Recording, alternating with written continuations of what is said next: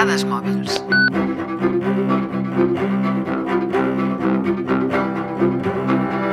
La història de la humanitat està plena de persones, organitzacions i governs que actuen de forma immoral, fins i tot terrorífica, fent genocidis, revoltes, matances, fraus fiscals, corrupció a gran escala.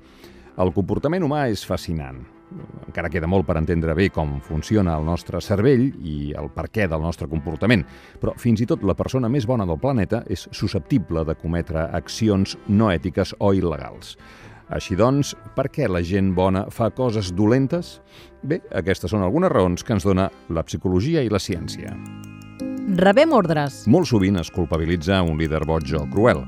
És clar que un líder sense una massa de gent predisposada a cometre certes atrocitats no faria per res. El cas és que eh, se segueixen ordres des de dalt, ja sigui en política, economia o societat, la responsabilitat de la persona queda diluïda, la responsabilitat individual, i ni tan sols té conseqüències legals. La culpa és de la víctima. El mal comportament també té lloc quan el nostre raonament moral ens falla i devaluem les víctimes. Eh, ells han començat, s'ho mereixia, tipus de justificació que pot donar lloc a un creixement potencial de la violència, allò de va treure la navalla, així que jo vaig treure la pistola. L'efecte Galatea o com influïm en nosaltres mateixos. Aquelles persones que tenen una autoestima més alta i un millor concepte d'elles mateixes com a individus són menys propensos a fer actes no ètics. Acceptació de petits furs que van a més. Ja sabeu de què estem parlant.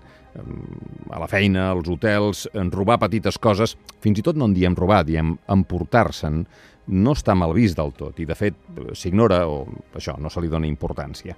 Material d'oficina, paquets de sucre, paper de vàter, normalment acaben a casa dels treballadors sense cap problema.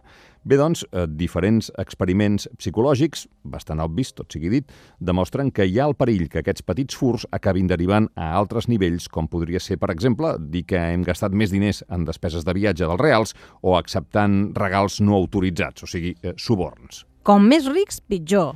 Segons la ciència, els entorns que mostren un estil de vida molt elevat i de gran riquesa poden acabar provocant un comportament immoral. Per exemple, quan en una empresa els treballadors són testimonis que els càrrecs executius els donen bonus desorbitats per no fer res, es genera un sentiment d'injustícia i gelosia que pot derivar ràpidament en un trencament de les normes. La existència de diners al voltant de les persones fa que centrin en l'èxit i les necessitats individuals i deixin més eh, l'ètica de banda. La fi justifica els mitjans. En una empresa o negoci, aconseguir certs objectius a curt, mig i llarg termini és imprescindible. Això pot fer que molta gent quedi cega davant eh, del que aconseguir aquestes fites pot implicar moralment o ètica. Eufemismes.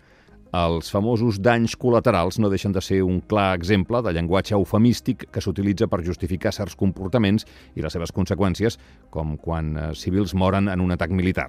El mateix passa quan un periodista o un manifestant van a la presó per subversius, o quan eh, diem pacificació del territori o material de doble ús en referència a la venda d'armes a altres països. Comparar-se amb un que ho fa pitjor. Molta gent es queixa i s'indigna perquè la classe política del país roba, però després se'n riuen dels que no fan trampes a la declaració d'Hisenda. La comparació amb un que roba més que tu o que menteix més que tu es fa servir per justificar-se un mateix. Quan l'autoritat ens ho demana. És molt complicat per un treballador dir que no als seus caps i quan el que es demana és poc ètic o fins i tot il·legal, sovint, tot i que costa, s'acaba fent. Habitualment, quan les persones es veuen com una eina en mans d'altres, senten menys responsabilitats a l'hora de cometre actes dolents. Competitivitat i temps. Quan una persona es troba dins d'una carrera professional en la qual només pot haver-hi un guanyador o guanyadora, eh, són més susceptibles de fer trampes i de cometre actes immorals per tal d'acabar en primer lloc. El mateix succeeix quan el temps ens cau a sobre i ens cal més temps per complir determinats encàrrecs. És que tothom ho fa. La pressió social o de grup fa que cometem actes dolents. Eh, com que tots ho feien, doncs hi ha saqueig a les manifestacions. O com que és una tradició, doncs fem quintades de molt mal gust que fins i tot posen en perill la persona afectada. Com veieu, hi ha moltes raons que porten la gent bona a fer actes dolents. Esperem que encara hi hagi més raons que condueixin la gent bona a fer actes bons.